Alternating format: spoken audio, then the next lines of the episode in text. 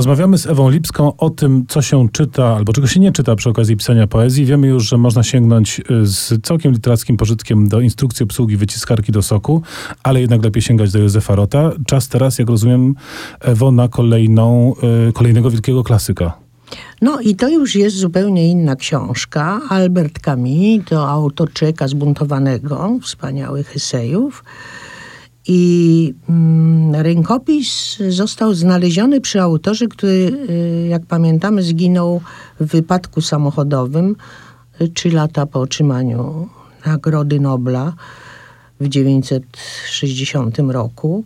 I to są takie niedokończone notatki z dzieciństwa. Książka autobiograficzna, bo jak pamiętamy, bohater mieszka z, mieszkał z matką w Algierze, jego ojciec zginął w I wojnie światowej a on tam zresztą studiował w Algierze y, filozofię i, i historię kultury antycznej.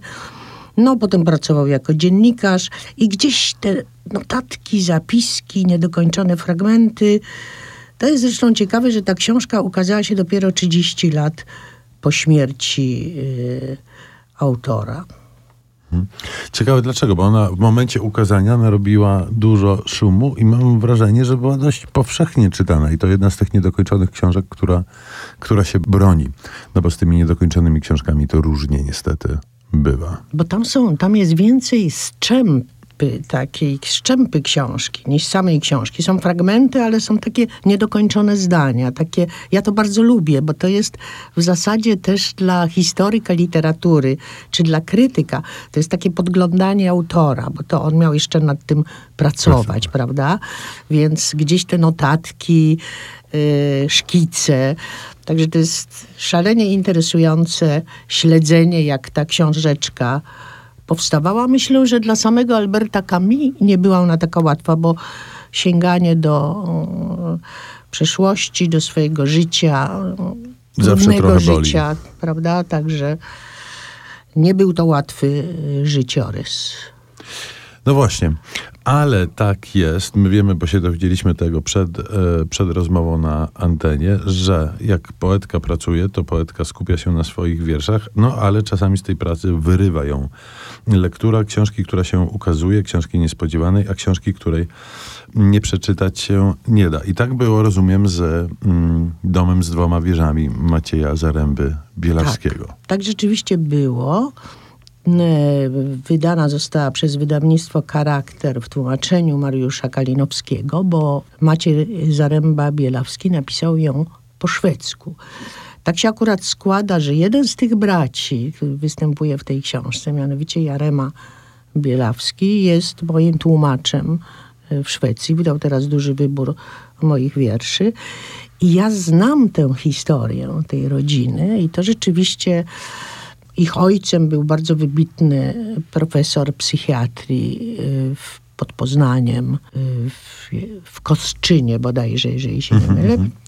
I tam właśnie tam jest ten dom z dwoma wieżami, gdzie oni przez lata mieszkali.